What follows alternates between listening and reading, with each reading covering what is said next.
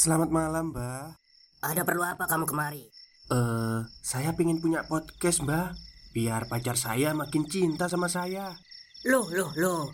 Mau bikin podcast kok tanya dukun? Sekarang kamu download aplikasi Anchor.fm. Di situ kamu bisa buat podcast gratis dan podcast kamu bisa didistribusikan ke platform mana pun. Dan di aplikasi atau website Anchor.fm juga terdapat fitur-fitur yang memudahkan kamu untuk membuat podcast. Oh, gitu ya, Mbak. Kalau gitu, saya boleh minta password wifi-nya, Mbak. Buat apa? Buat download Anchor.fm, Mbak.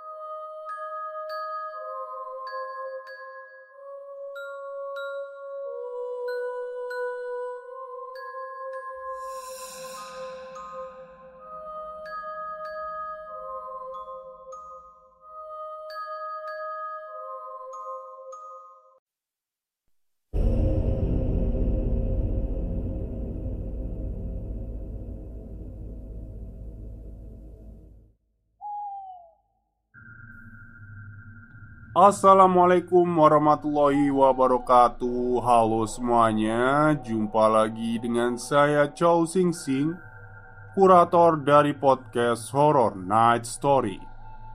Halo apa kabar semuanya?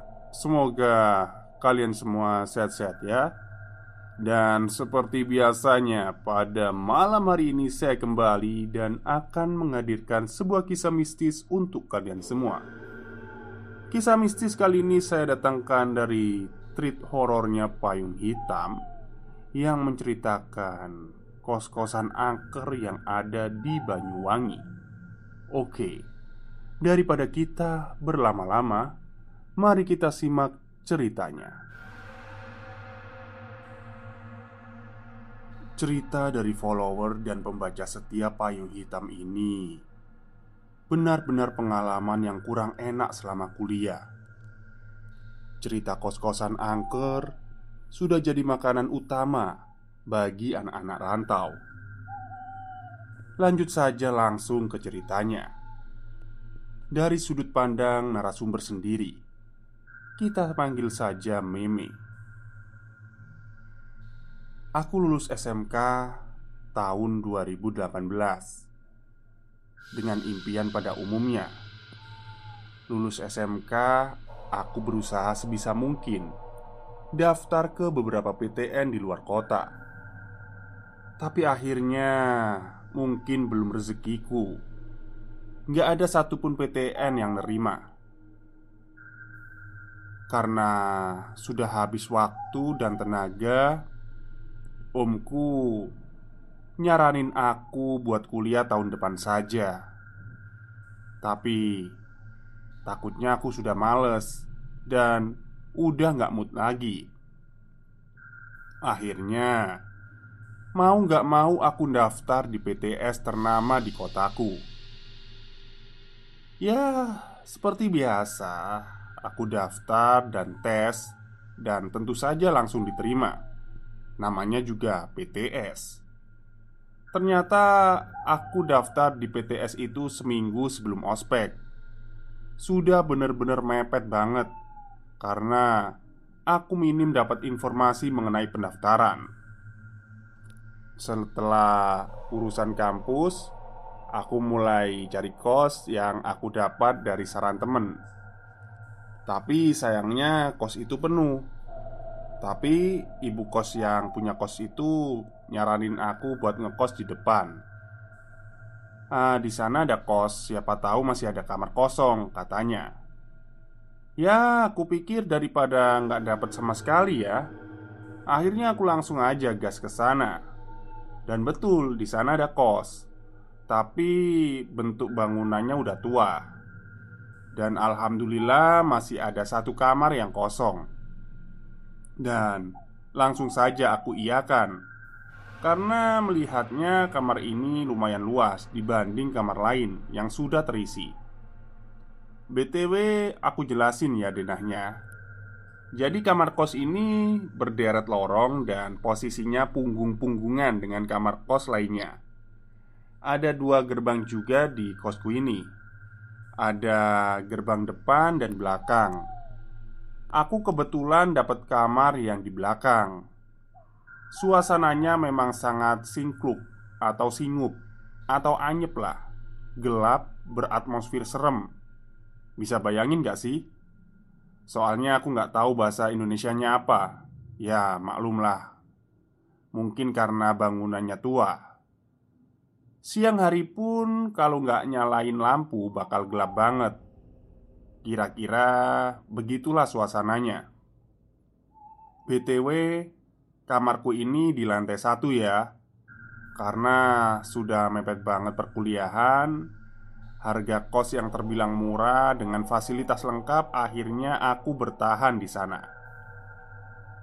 Aku awalnya masih parnoan Jadi nggak mau tidur sendirian.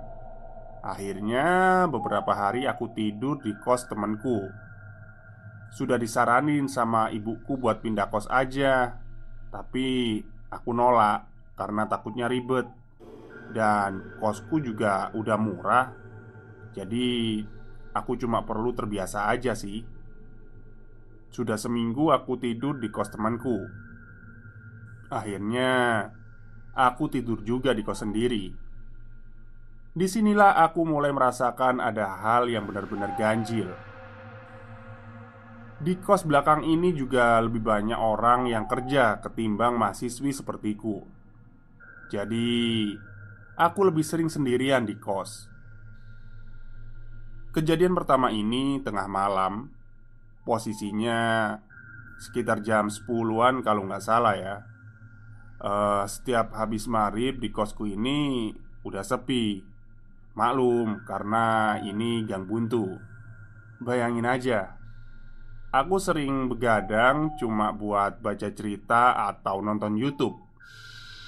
Malam itu, aku dengar ada yang dorong pintu kamarku kenceng banget, padahal sudah dikunci. Nah, bener-bener kaget dong aku karena suaranya jelas banget.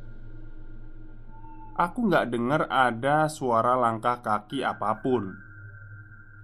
Karena benar-benar ketakutan, aku memutuskan untuk tidur saja. Kejadian ini nggak cuma sekali sebetulnya. Memang, kalau udah tengah malam di kosku ini sering banget ada orang, tapi nggak tahu siapa ya, itu beraktivitas di depan. Kayak mondar mandir gitu di gerbang keluar masuk dan lewat depan kamarku Awalnya sih aku pikir bapak kos Tapi aku pikir-pikir lagi ngapain bapak kos jam segini mondar mandir Aku juga pernah siang-siang Aku sempetin tidur sebelum kuliah Nah Itu beneran bikin aku takut Karena di tengah-tengah tidur Aku ngedengar ada orang lari-lari tapi bukan di luar kamar. Itu suara ada di dalam kamarku. Itu benar-benar jelas banget. Jadi, itu membuat aku langsung melek seketika. Karena masih setengah sadar, namanya juga orang baru bangun tidur ya. Jadi, aku ngelihat di situ ada kayak bayangan hitam berpostur orang sempet aku mau pegang tapi nggak bisa.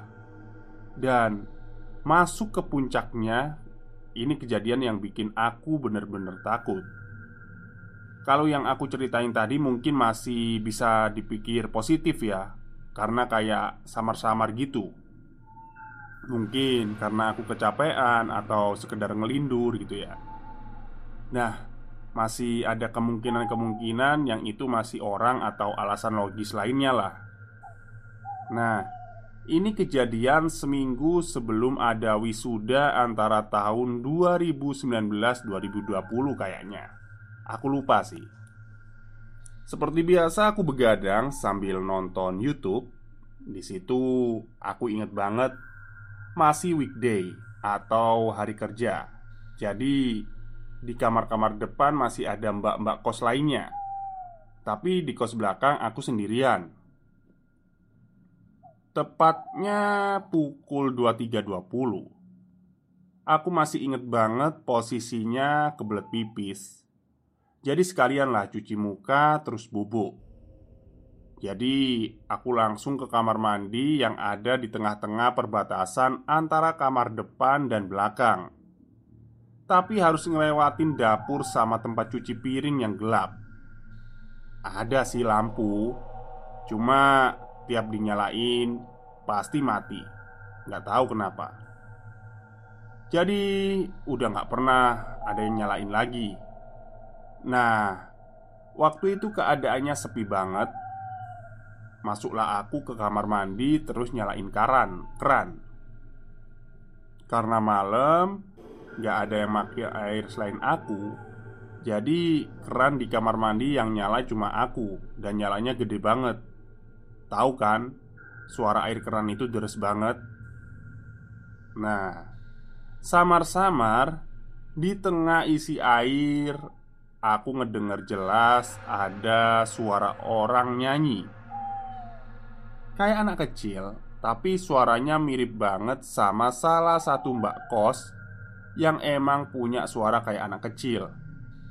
Tapi anehnya Nyanyinya itu kayak yang sarkas Lebih nyuruh matiin keran karena berisik. Aku kaget. Tengok kanan, tengok kiri Terus buru-buru nuntasin urusanku.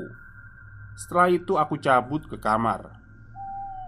Besoknya pulang kuliah, aku nggak berani pulang ke kos dan milih diem aja di kos temanku, sebut saja namanya Eli. Numpang mandi sekalian, karena aku masih terngiang-ngiang kejadian semalam. Terus temanku nanya, kenapa tumben banget pulang kuliah nggak langsung pulang? Nah, barulah di situ aku jelasin cerita tadi malam secara lengkap. Dan temanku ini ngusulin supaya ditanya langsung ke mbak kos yang suaranya kayak anak kecil itu. Buat mastiin aja. Singkat cerita Mbak Dita Semalam jam sebelasan ke kamar mandi nggak? Tanya aku ke Mbak Dita pas sampai di kosan. Gak ada sih. Teman-teman juga dari jam 9 udah pada tidur Kata Mbak Dita yang juga kebingungan di situ. Ngelihat ekspresi Mbak Dita, aku langsung mikir. Jadi, siapa yang semalam aku dengar nyanyi-nyanyi? Karena ketakutan, aku langsung cerita lagi ke temanku si Eli. Akhirnya dia nyuruh aku buat mandi di kosannya saja. Jadi sambil nunggu malam tiba, baru aku pulang Supaya pas pulang tinggal tidur aja gitu. Kejadian ini aku ceritain ke mbak yang kamarnya di sampingku pas Tapi cuma lewat chat aja. Akhirnya dia cerita juga dan terbuka. Emang dia yang paling lama ngekos di sini. Dia juga sering bawa temen dan pernah ngelihat Mbak Kunti di kamar mandi karena cerita itu. Akhirnya aku gak berani lagi ke kosan Dalam waktu yang agak lama. Oh ya, ada lagi. Jadi ada dua temanku yang katanya bisa ngerasain adanya kehadiran mereka. Yang satu ini teman ospek Jadi jarang ke kos. Cuma beberapa kali aja tapi dia sering bilang buat pindah kos aja secepatnya Aku sih waktu itu cuma iya-iya aja. Dia bilang, ada sesuatu di depan pagar bagian belakang, sama di rumah kosong pojok depan kos. Dan temanku satu ini, dia yang ngalamin, yang akhirnya aku bener-bener yakin kalau kos ini emang berhantu. Kejadian terakhir inilah yang buat buat aku yakin kalau kos ini berhantu.